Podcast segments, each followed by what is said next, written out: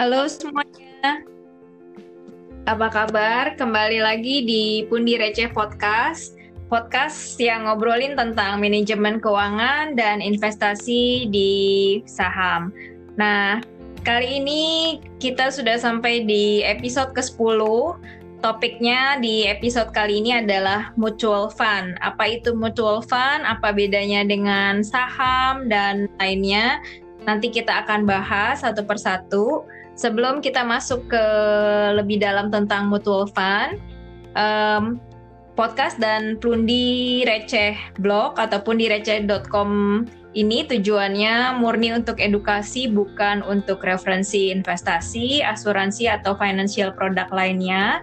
Jadi kita uh, tujuannya di sini hanya untuk uh, mengedukasi teman-teman semua biar kita semua sama-sama tahu, sama-sama bijak dalam uh, manajemen keuangan kita dan menginvestasikan apa yang sudah kita miliki saat ini. Oke, uh, langsung saja seperti biasa uh, narasumber kita untuk podcast Bundi Receh podcast ini uh, ada Doni, Don. Halo Iwen, halo semua kembali lagi di podcast kami yang episode ke-10 ini. Ya, sudah 10 podcast artinya sudah 10, 10 minggu. minggu. Ya? Iya benar. Ya. Kita berusaha consistently uh, membuat tiap minggu podcast ini. Ya, benar. Um, agak gimana ya? Ya sebenarnya excited sih udah masuk ke podcast ke 10 kita gitu karena uh, udah begitu ada ada banyak informasi yang udah kita coba sharingin mudah-mudahan bisa berguna dan teman-teman juga bisa share ke orang-orang yang uh, mungkin membutuhkan atau memang uh, interest dengan tertarik dengan informasi seperti ini. Iya benar. Nah, untuk uh, kali ini kita mau bahas tentang mutual fund mutual fund itu oke okay, eh, empat episode yang kemarin kita udah bahas tentang saham. Saham itu ada empat bagian. Teman-teman bisa uh, dengerin di bagian pertama sampai bagian keempat tentang saham. Sekarang kita mau beralih ke mutual fund. Nah, mutual fund itu sebenarnya uh, apakah sama dia dengan saham atau enggak? Oke, langsung aja kita dengerin gimana ini, Don.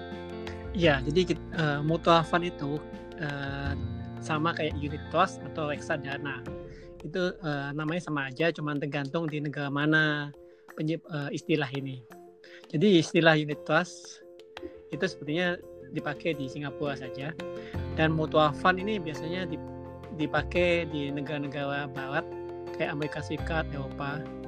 Dan sedangkan di Indonesia sendiri biasanya dinamakan reksadana mungkin uh, saya perlu kasih tahu di depan jadi entar biar nggak bingung mutual fund itu apa. Jadi kalau di Indonesia biasanya namanya reksadana ya tapi berhubung uh, istilah okay. yang internasionalnya namanya mutual fund jadi kita pakai mutual fund juga. Karena juga uh, biasanya kata-kata fund ini lebih umum dipakai. Fund itu adalah dana. Jadi uh, definisi mutual fund ini adalah kumpulan fund atau dana dari para investor kepada mutual fund manager ada manajernya untuk diinvestasikan atau dibelikan uh, aset-aset tertentu tertentu seperti saham, obligasi dan komoditi dan sebagainya. Mutual fund ini dikelola oleh fund manager dengan mandat tertentu atau strategi yang tertentu seperti kayak aset kelas uh, equity, equity itu adalah saham, atau obligasi dan juga uh, menurut jenis negara atau kawasan atau region seperti US atau Eropa atau Asia atau negara berkembang kayak emerging market. Ini jadi uh, kalau ada bilang US large cap equity fund misalnya, itu adalah uh, regionnya US ya, jadi Amerika. Jadi mereka cuman investasikan di negara Amerika itu. Terus large cap itu adalah capitalization market capitalization seperti yang kita bahas di saham. Jadi mm-hmm. itu uh, market cap yang uh, besar. Jadi uh, perusahaan-perusahaan besar lah di US. equity itu saham. Jadi fund ini uh, fokus ke saham negara uh, saham-saham perusahaan besar di US atau Amerika Serikat. Jadi dari okay. nama saja kita tahu itu uh, mandat atau strateginya apa gitu. Oke, okay, gue ada pertanyaan ya. Tadi kan lo bilang definisi mutual fund itu dia kumpulan fund atau dana-dana dari investor. Ini investornya tuh investor kayak kita-kita atau investornya tuh refer ke perusahaan-perusahaan besar? Biasanya uh, macam-macam. Jadi bisa dari kita, bisa dari uh, institution, institutional investor. Jadi institutional investor itu kayak pension fund atau atau yang perusahaan-perusahaan juga yang besar-besar itu. Jadi uh, mereka kayak uh, negara neg dari suatu negara juga pen, kayak misalnya uh, ada temasek gitu. Temasek juga bisa beli mutual fund juga gitu atau tapi uh, tapi untungnya itu berguna uh, bisa diakses sama kita juga para retail investor ya iya oh oke okay. um, berarti jadi, uh, okay, gitu. maksudnya institutional fund itu saya ulangi lagi itu jadi kayak institution kayak uh, ada lembaga-lembaga khusus lah kayak misalnya uh, di US ada Harvard Endowment Fund jadi endowment fund ini uh, dari Harvard untuk untuk menunjang uh, para mahasiswanya yang akan datang lah, maksudnya buat kepentingan universitas mereka.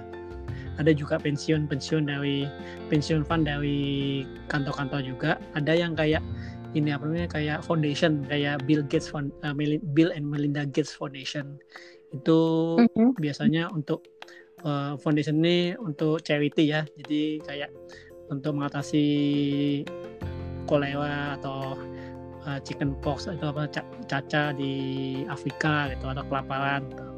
itu foundation itu gimana supaya mengembangkan duitnya makanya mereka investasi juga di saham-saham atau mutual fund juga oke okay. uh, eh, tapi berarti tadi uh, di dalam mutual fund itu ada equity fund, terus ada macam-macam fund yang lain juga. Iya benar. Jadi ada equity fund itu yang equity itu berarti saham, ada fixed income itu reksadana, ada money market fund. Money market fund itu kalau di Indonesia namanya reksadana pasar uang ya. Jadi pasar uang itu adalah suatu utang obligasi pemerintah dalam jangka pendek sangat pendek jadi di bawah sebulan lah makanya karena diputar-putarnya di bawah sebulan 30 hari investasi ini sangat aman karena short term ya dan juga karena sangat aman dan short term uh, bunganya juga kecil banget. Tapi ya gitu aman. Terus ada namanya balance fund atau campuran. Jadi balance fund itu kayak uh, campuran ada saham dan obligasi. Jadi kalau saham kan uh, termasuk high risk ya high risk. Kalau bond atau obligasi itu lower risk yang kita bahas di podcast sebelum-sebelumnya. Dan ini campuran. Jadi balance fund ada ada sebagian dari uh, dananya dibelikan saham dan sebagian lagi dibelikan uh, obligasi. Gitu. Oke, berarti uh, kalau kalau yang saham kan kita beli saham si perusahaan tertentu. Nah, kalau ini kita beli uh, apa istilahnya kita invest di satu kumpulan dana dan nanti dana ini akan diinvestasikan kembali ke si saham atau ke obligasi atau ke pasar uang atau campuran ya. Iya benar. Iya. Nah, uh, terus kalau uh, kita retail investor uh, belinya juga sama nggak sama si saham?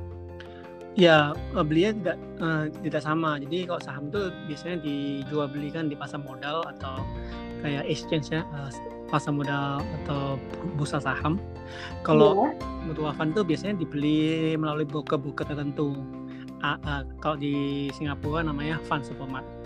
Tapi biasanya juga mereka uh, mencari bantuan dari agen-agen asuransi atau bank-bank yang men, untuk menjual atau menawarkan investasi uh, mutual fund ini. Jadi kalau misalnya kita ke bank, pasti biasanya ditawari, oh mau mau uh, mau investasi enggak itu. Mereka biasanya investasinya menjual mereka tawar investasi yang mereka tawarkan biasanya iya. adalah mutual fund gitu. Oh iya iya benar. Atau unit trust tadi ya mutual unit fund atau ah. unit Jadi di... kalau kalau insurance agent juga kalau misalnya mm -hmm. ada asuran, agen asuransi nawarin asuransi ada juga mereka bilang bagaimana mau mau investasi enggak nah, mereka biasanya tawarin investasinya mutual fund mutual fund oh nah si mutual fund ini uh, kayak misalkan tadi misalkan bank uh, bank A, ada bank B, bank C.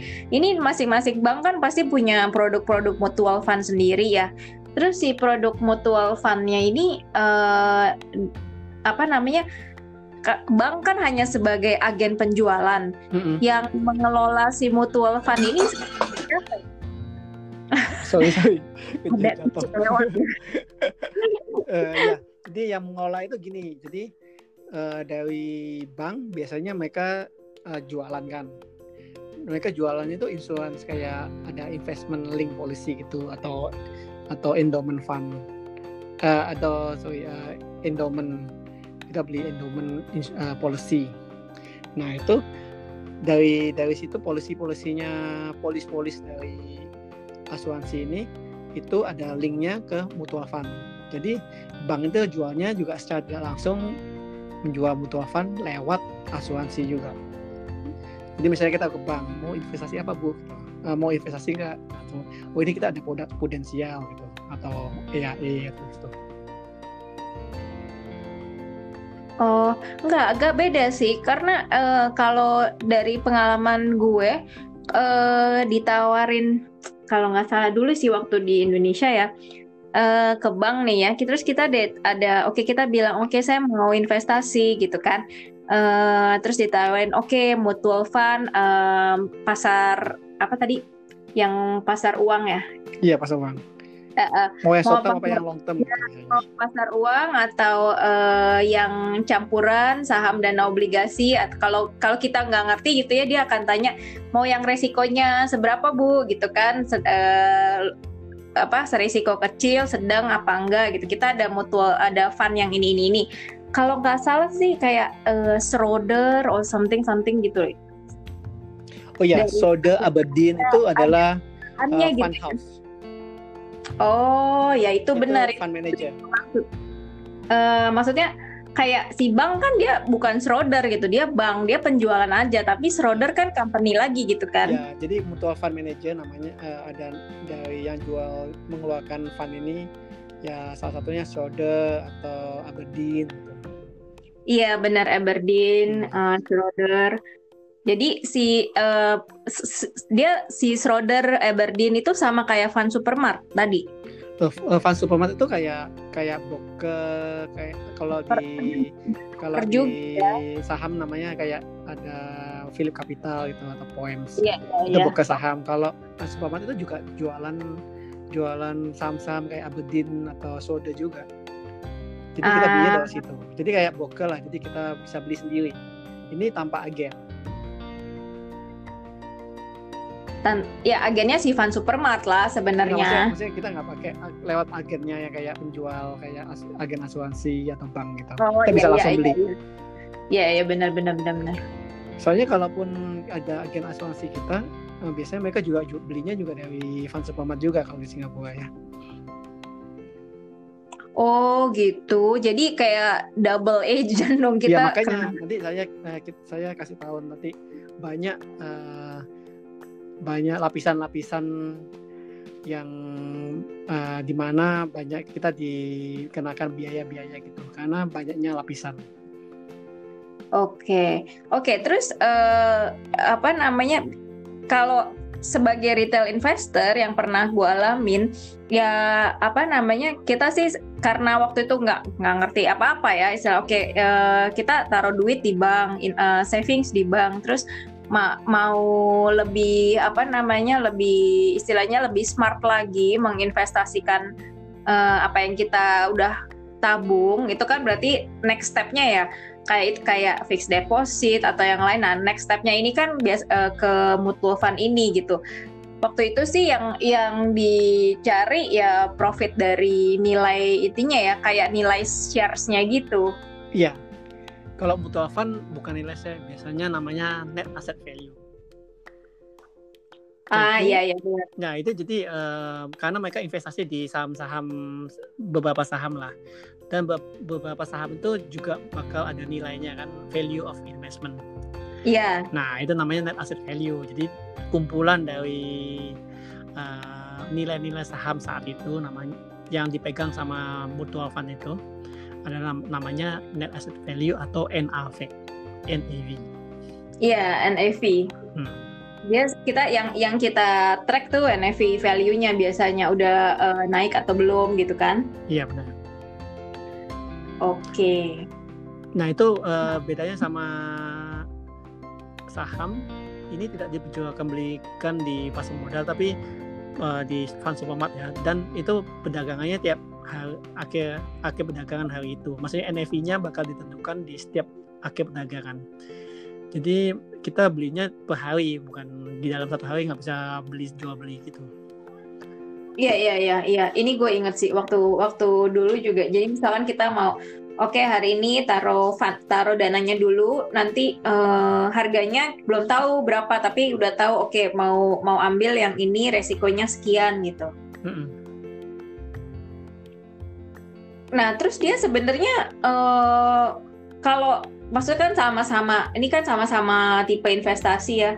Saham dan mutual fund. Ini mendingan yang mana ya? Kita masukin kita pilih saham sendiri yang udah kita pelajarin atau masuk ke mutual fund atau unit trust ini? Nah itu dia. Itu tergantung dari uh, apakah kita siap untuk memilih saham kita sendiri atau tidak. Atau kita biasanya lebih bergantung sama orang lain ya. Pokoknya ada yang biasanya kalau kita punya financial consultant ya yang dipercaya biasanya kita uh, serahkan kepada dia eh tolonglah pokoknya saya mau tahu beres aja. Nah, itu biasanya orang-orang seperti ini uh, butuh butuh uh, investasi di mutual fund lah atau yang tidak bisa disiplin maksudnya kurang disiplin dalam mengatur keuangan. Jadi secara tidak langsung kita dipaksa untuk menyisihkan uang untuk investasi di mutual fund. Oke. Tapi kalau kita udah disiplin, kita punya uh, uang yang disisihkan dari pengeluaran-pengeluaran dan juga kita tahu bagaimana cara menganalisa saham atau kita setidaknya tahu komponen uh, saham-saham yang bagus mana atau bagaimana cara belinya gitu. Nah kita bisa beli sendiri DIY namanya. Do it yourself. Ya, berarti kalau kita, nah ini tadi sebenarnya eh, di sini jadi value dari pundi receh gitu sebenarnya. Ke apa teman-teman yang dengerin tuh sebenarnya bisa hemat hemat biaya financial consultant gitu kan. Terus hemat biaya ya pokoknya eh, apa hemat biaya untuk macem-macem gitu kan. Terus nambah ilmu juga kita mau investasi ke mana, kapan, berapa banyak gitu. Balik yeah. ke mutual, balik lagi ke mutual fund ya. Uh, apa namanya? Nah selain selain selain dari pengetahuan tentang investasi itu sendiri atau uh, ya ibaratnya kalau lo mau tahu beres ya beli aja mutual fund gitu kan atau uh, kalau lu ada mau ada effort sedikit buat cari-cari tahu sebenarnya nggak usah beli mutual fund ya, masuk bisa. ke masuk ke saham aja saham gitu. atau ETF Entah kita bakal uh, bakal diskusi atau membahas soal ETF uh, di minggu depan lah di ya, podcast yang akan datang. Nah, tapi apa namanya uh, ya si mutual fund itu kan berarti banyak banyak apa namanya banyak biaya uh, yang tidak kelihatan ya. Kayak misalkan yeah. dulu dulu gue belinya dari bank. Berarti kan gue bayar ada ongkosnya kan ke bank. Bayar juga ke bank gitu. Kemudian mungkin bank itu beli lagi ke tempat lain gitu yang kita nggak tahu. Tapi itu sebenarnya kan fee-nya juga kita yang kena charge ya. Iya benar. Terus bank juga uh, bayar transaksi juga ke broker terus habis itu jadi uh, costnya uh, costnya lumayan tinggi lah. Jadi misalnya uh, ada sales atau komisi ke mutual fund manager ada biaya transaksi ke broker ada biaya manajemen. Biasanya dibayarkan tiap tahunnya 1 sampai 2% dari total. Dan masih banyak biaya lain. Jadi makin banyak uh, organisasi atau lembaga-lembaga yang berperan di dalam di dalam investasi ini makin besar biayanya. Gitu. Dan juga uh, istilah yang kita perlu ketahui itu adalah biaya sales atau komisi. Itu ada front load ada back load ada no load. Jadi kalau front load itu biasanya namanya front ya. Front itu berarti uh, di depan. Load itu biaya. Jadi biaya ini dikenakan di awal waktu kita membeli mutual fund. Oke, biasanya itu 5% dari total investasi kita. Jadi kalau investasi kita 100 juta, jadi biayanya aja udah 5 juta. Gitu. Nah, kalau backload itu biasanya eh, back itu berarti di belakangnya, load itu biaya. Jadi biaya ini dikenakan di akhir saat kita menjual mutual fund itu. Terus habis itu ada juga yang no load, yang nggak ada biaya, baik di awal atau di akhir. Nah itu kalau mau tahu mutual fund selain resikonya apa terus kita mesti tanya biaya-biaya yang tidak uh, yang tidak ya hidden lah apa namanya tidak kelihatan tuh apa aja gitu. Bisa terus bisa ditanyain apa front load apa back load berapa biayanya. Terus biaya manajemen berapa persen. Biaya manajemen kita seperti yang uh, kita ketahui biaya manajemen 1 sampai dua persen. Dan ini uh, dikenakan tiap tahun walaupun kita rugi juga kita kena uh, investasi kita rugi kita tetap bayar 1 sampai 2 persen. Oke, iya ini, uh, aduh sebenarnya gue agak-agak uh, agak-agak sedih sih Don, karena waktu gue beli dulu mutual fund, eh, mutual fund itu nggak ngerti apa-apa gitu istilahnya, apa ya? uh, ya taunya uh, tahu beres sih gitu. Tapi mungkin uh, apa namanya ada memang orang-orang yang uh, lebih cocok seperti ini gitu dan ya memang nggak mau pusing. Ada yang lebih penting yang harus diurus jadinya harus uh, harus atau prefer ke mutual fund gitu. Iya saya juga banyak saya dulu juga rugi uh, bukan rugi sih untung tapi untungnya dikit banget dalam jangka waktu 10 tahun itu cuma untung dua kok di Tentong uh, cuma untung tiga persenan dalam 10, 10 tahun. Karena gagal mutual fund itu karena apa? Karena banyak sebelum kita untung pun udah digogotin keuntungan kita gitu. Dan ini iya. yang uh, yang bikin uh, salah satu ke kekurangan mutual fund mutual fund itu manajer itu biasanya mereka active investing ya. Maksudnya mereka stock picking jadi uh, jadi tidak banyak uh, mutual fund yang bisa beat the market. Mas beat the market itu berarti bisa mengalahkan performa pasar modal keseluruhan atau kayak indeks. Statistiknya juga berkata kalau cuma 15% dari mutual fund di dunia ini dalam rentang 10 tahun bisa mengalahkan keuntungan atau kenaikan dari indeks pasar modal. Di sini indeks uh, saham terbesar di dunia yaitu S&P 500 lah. Itu 500 saham terbesar di US karena uh, banyaknya biaya ini. Karena biayanya banyak jadi mereka juga juga performanya juga lebih nggak susah banget uh, mengalahkan performa indeks keseluruhan. Jadi daripada daripada investasi di mutual fund apakah tidak uh, apakah lebih baik untuk uh, beli indeks fund aja gitu? Menurut saya gitu. Karena hmm. udah pasti menang lah. Udah nggak uh, udah bayarnya dikit terus itu udah pasti menang gitu. Daripada bayarnya banyak tapi tetap aja kalah gitu. eh bentar-bentar indeks fund belinya di itu juga di ETF ETF oh ETF ETF belum kita bahas kan? Iya. Uh, indeks fund ada juga yang mutual fund tapi uh, again ini juga juga ada biaya juga sih tapi lebih baik ETF yang biaya lebih kecil nah ya gue jadi semakin menyadari ya sebenarnya uh, harusnya tuh pendidikan investasi tuh kita tahu maksudnya lebih lebih awal gitu kan karena investasi itu kan uh, we play with the timing kan gitu. Iya namanya compounding effect. Jadi uh, ada suatu research ya. Oke apa pun uh, coba kalian baca di di financial book apa pun lah pasti ada tulisannya compounding effect itu adalah uh, eight wonders of the world. Jadi yeah. salah satu keajaiban di dunia itu compounding effect. Jadi uh, misalnya ada misalnya si A, dia investasi dari umur 25 tahun sampai 35 tahun. Itu habis itu dia nggak investasi lagi, maksudnya nggak nggak usah uh, masukin duit lagi. Dibanding sama si B yang 35 tahun sampai 60 tahun dia investasi terus.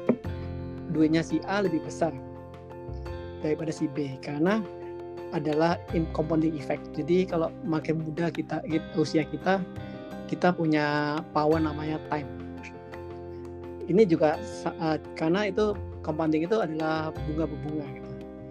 Ini uh, berlaku untuk investasi, tetapi juga berlaku secara kebalikannya di uh, debt atau utang.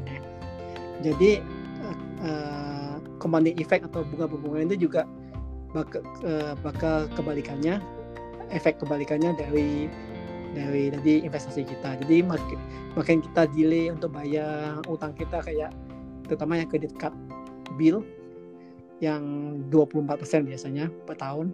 Kalau kita cuma bayarnya minimum, dia utang ini bakal kayak snowball. Jadi kayak bola salju makin lama makin besar gitu. Hmm. Dan susah juga kita perlu waktu 25 tahun mungkin buat buat lunasi utang ini.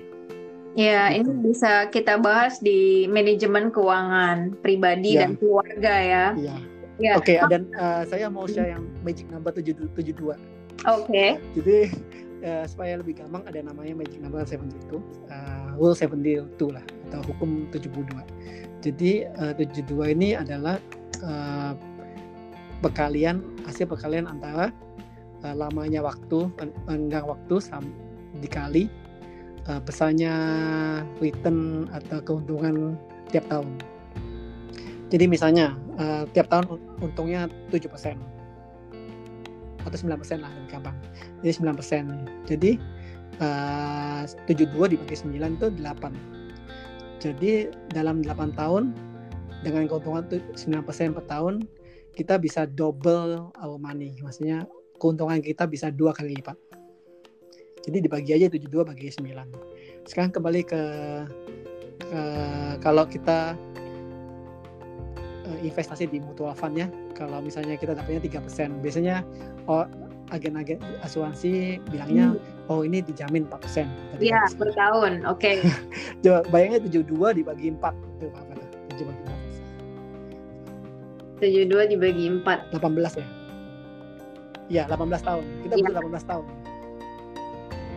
untuk untuk uh, investasi kita double dibanding kalau kita itu pun juga belum tentu konsisten. Jadi 4% itu uh, dia bilang dia bilang sih garanti tapi unlikely lah. Jadi biasanya sih uh, dapat ujung-ujungnya dapatnya satu persen atau dua persen. Jadi kalau satu persen per tahun dalam 72 tahun kita baru bisa uh, investasi kita dua dua kali lipatnya Hmm. Jadi sampai kita punya cucu juga akhirnya dua kali lipat lah. Dibanding kalau kita investasi di index fund kayak ETF ya. Kalau di Singapura 7% atau kalau di US S&P 500 itu 9 sampai 10%. Jadi dalam 7 tahun atau 8 tahun kita bisa double uang kita, investasi kita gitu. Iya, uh, kalau tadi tentang compounding effect sebenarnya itu kita udah belajar waktu di SMP atau SMA itu kita udah tahu tuh ada yang namanya uh, apa bunga berbunga kan? Bunga berbunga ya, compounding effect. Itu ada rumusnya. Waktu itu udah udah dikenalin gitu. Jadi sebenarnya konsep menabung konsep bunga berbunga itu udah ada.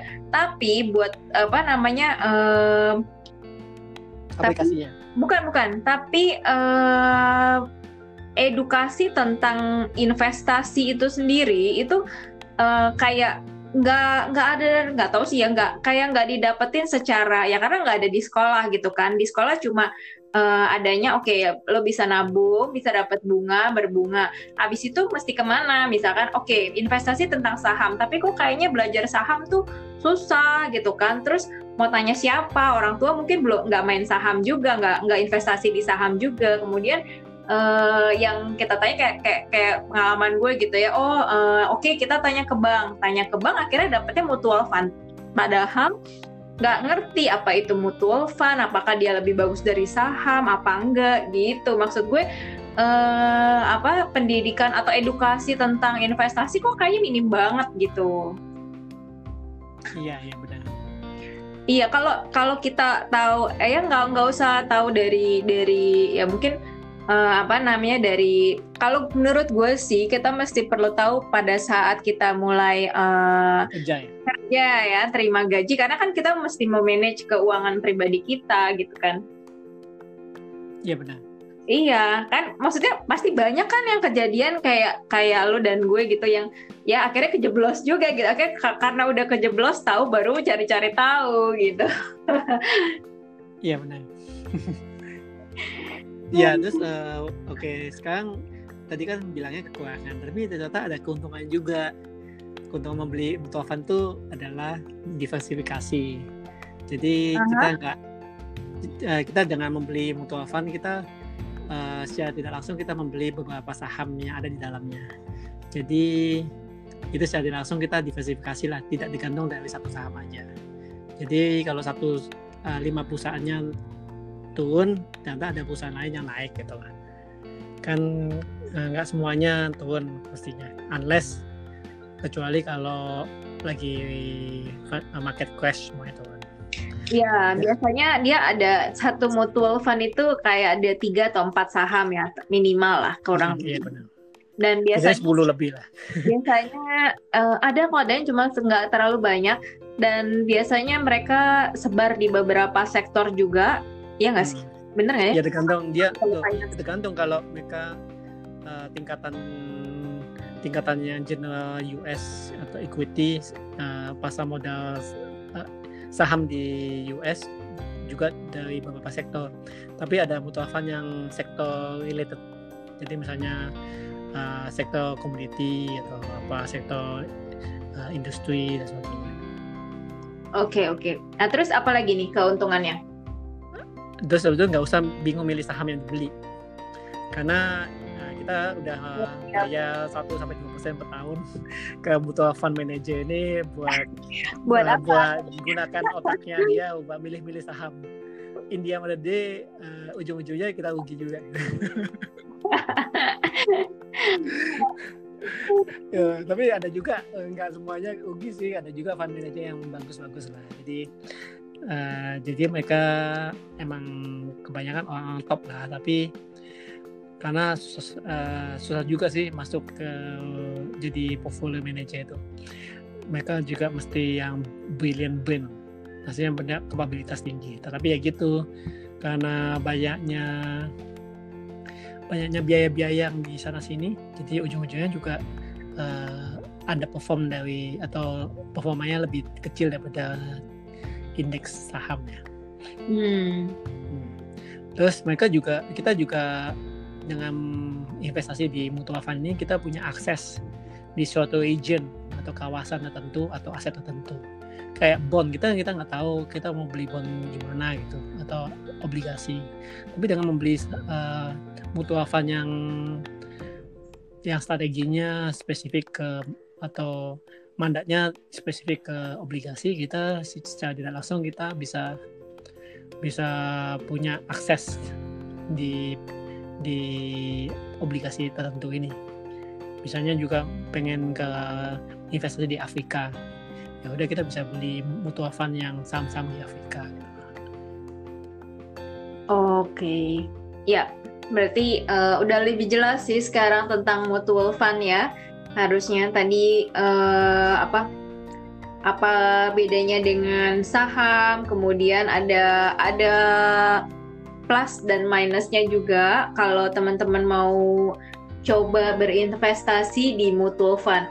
Yang jelas sih memang mutual fund ini lebih simple dari saham daripada kita beli saham sendiri. Karena sebenarnya uh, dalam apa kalau kita investasi di mutual fund ya tadi dalam satu fund udah ada berbagai macam saham dalam satu fund kemudian yang milih juga udah ada fund manajernya yang milihin saham apa aja yang dibeli terus meskipun kita di Indonesia atau di Singapura kita bisa uh, beli bond atau saham atau yang uh, mutual fund dari uh, eh, US atau dari China atau dari lainnya.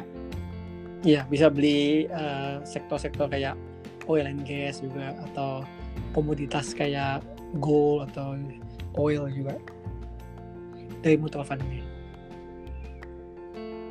Hmm.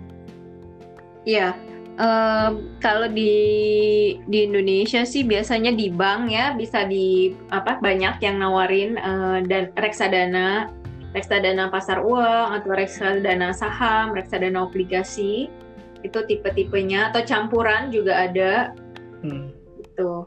Nah, uh, jadi ini kembali lagi ke investment taste-nya teman-teman semua lebih um, lebih suka ngulik-ngulik sendiri ya kalau lebih suka cari-cari tahu sendiri um, bandingin parameter dan lain-lain kayak yang udah kita bahas di saham atau lebih suka yang oke okay, pokoknya as simple as uh, saya mau invest uh, tahun ini dananya sekian, kemudian jangka panjang lima tahun lagi saya mau profitnya sekian itu minimal berapa persen. Nah itu ini uh, bergantung pada fund manager.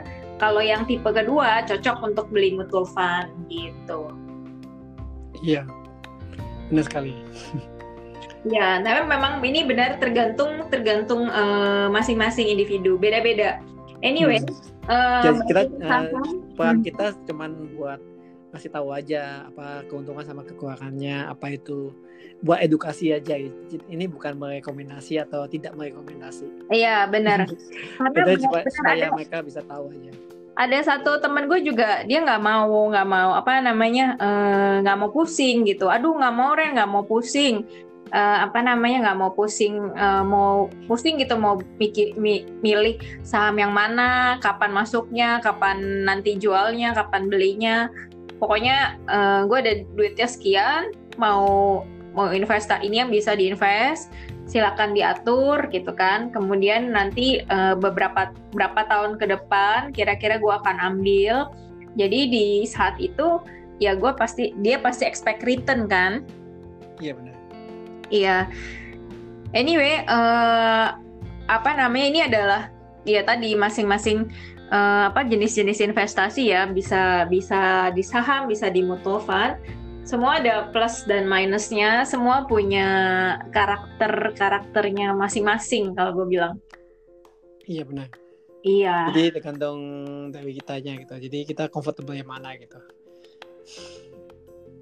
Iya, uh, ntar di ini dong ada apa namanya tadi tadi yang satu topik gue kepikiran untuk manajemen keuangan mungkin. Satu lagi tadi gue tiba-tiba ya keingetan ini apa namanya uh, robo investment. Itu kayak juga menarik tuh buat topik kita selanjutnya. Mungkin oh, di iya. boleh boleh. di, dulu kita bisa dulu pernah awal-awal juga pernah kita uh, touch uh, touch and go ya maksudnya iya, betul. kita bahas sedikit uh, mengenai Obo Investment itu gara-gara saya ikutan uh, seminarnya Obo Investor Investment dan dikasih tahu plan A, plan A sama plan B. Iya benar, tapi kita belum bahas si Robo Investor investornya. Iya benar, benar. Belum yeah. kita belum bahas dari segi investasinya. Iya betul. So uh, apa kita punya apa namanya ada dua topik ide. Nah, teman-teman buat yang dengerin dan mau tanya atau punya ide untuk uh, apa yang mau topik apa yang mau dibahas di Pundi Receh, dikulik lagi, kita ngobrolin bareng-bareng. Bisa email, uh, emailnya di ada di pundireceh.com. Kemudian uh, Facebook, Facebook juga. Like oh Facebook ya, kita sama message itu aja. Kita udah punya Facebook, jadi tinggal message aja Terus uh, untuk hari ini mutual fund, uh, I think it's a wrap right untuk mutual fund. Ya kita uh, sudahi aja sekian. Ya, Uh, seperti biasa, uh, kalau mau baca lagi, ke tadi ada yang ketinggalan atau masih kurang paham, bisa dibaca lagi di pundireca.com. Uh, jangan bosan-bosan dengerin kita. Kita aja nggak bosan ya, udah sepuluh minggu. ya tiap tiap tiap minggu. Kadang-kadang dikejar setahuan nih, aduh belum ngeblok nih. Jadi kita ngeblok terus itu aduh belum podcast. Iya, satu hal yang uh, sebenarnya uh, pengalaman baru juga sih buat kita berdua. Cuma uh, ya karena waktu waktu awal kan gue bilang ya uh, apa gue dan Doni ini kita suka gitu ngobrolin tentang keuangan, tentang investasi. Apalagi Doni juga udah punya uh, CFA certificate gitu kan. Jadi ya why not gitu kita uh, gue yang sambil belajar dan dan Doni yang bagi-bagi gitu ilmunya. So uh, apa namanya kita sih berharap ini bisa dimanfaatkan sebaik mungkin ya. Karena yang apa yang tadi gue bilang uh, kita berdua nih yang uh, dari tentang investasi tuh nggak tahu apa-apa gitu. Kan nggak ada yang ngasih tahu dan ya kita mungkin nggak terlalu aware ya awal ya percaya aja gitu sama apa yang dibilang teman sendiri. Padahal dia juga mungkin nggak nggak mulik secara benar gitu. Iya dulu saya ingat apa uh, saya investasi di di mutual fund karena teman kita ini uh, adalah agen asuransi di Singapura. Terus habis itu ada financial crisis yang 2008-2009. Terus pada, uh, saya bingung, aduh ini diambil apa enggak gitu. Terus terus uh, si teman kita yang financial consultant ini uh-huh. cuma bilang uh, jangan khawatir ini karena sementara bla bla bla kan oke dijelasin saya sih ya ya aja saya saya nggak ngerti itu apa. Market crash itu apa kenapa itu apa uh, ada financial institutionnya kenapa apa terjadi suatu uh, crash apa market crash atau keuangan apa bankan yang apa sektor-sektor bank yang lagi untuh sistemnya untuh dan iya, saya nggak ngerti dulu tuh pasti karena alasannya gue tahu cuma satu agen asuransi itu cantik Jadi lo beli sama dia. oh bener juga. Enggak juga itu cowok sih. oh oke okay, oke. Okay. Iya ya, tapi kadang-kadang juga banyak agen asuransi yang cakep. Jadi uh, lagi uh, ya kembali ke teman-teman. Jadi kita harus tahu apa yang kita beli itu yang penting.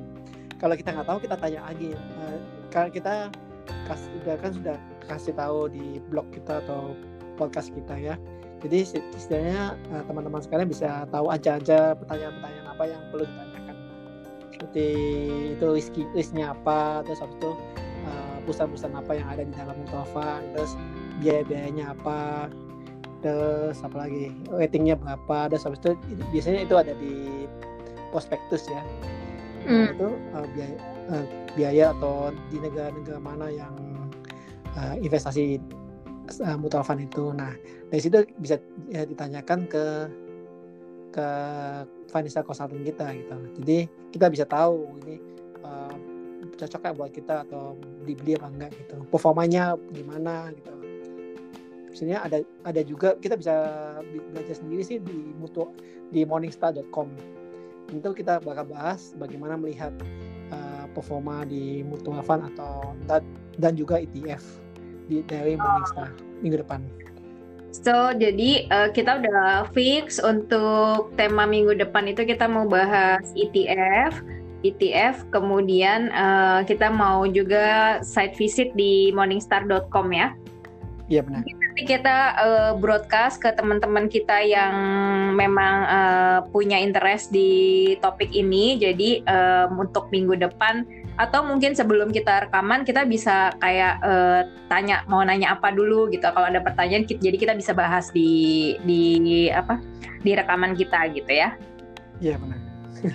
Gitu aja oke okay. oke okay, nggak kerasa udah 45 menit. Jadi uh, untuk topik kali ini sudah selesai mutual fund. Semoga uh, bermanfaat uh, untuk teman-teman semua yang dengerin kita ketemu lagi minggu depan di topik-topik yang lebih menarik. Minggu depan kita udah fix topiknya itu uh, kita akan bahas tentang ETF, bagaimana apa itu ETF, gimana cara belinya, keuntungannya apa dan juga kita mau car uh, mau kasih tahu gimana caranya ngelihat mutual fund dan ETF di morningstar.com. Oke. Okay? Oke, okay, yeah. segitu aja uh, dari kami Pundi Receh Podcast. Saya Iren dan juga dan saya Ya. Selamat sore semuanya. Selamat sore. Sampai jumpa. Bye bye. Sampai jumpa.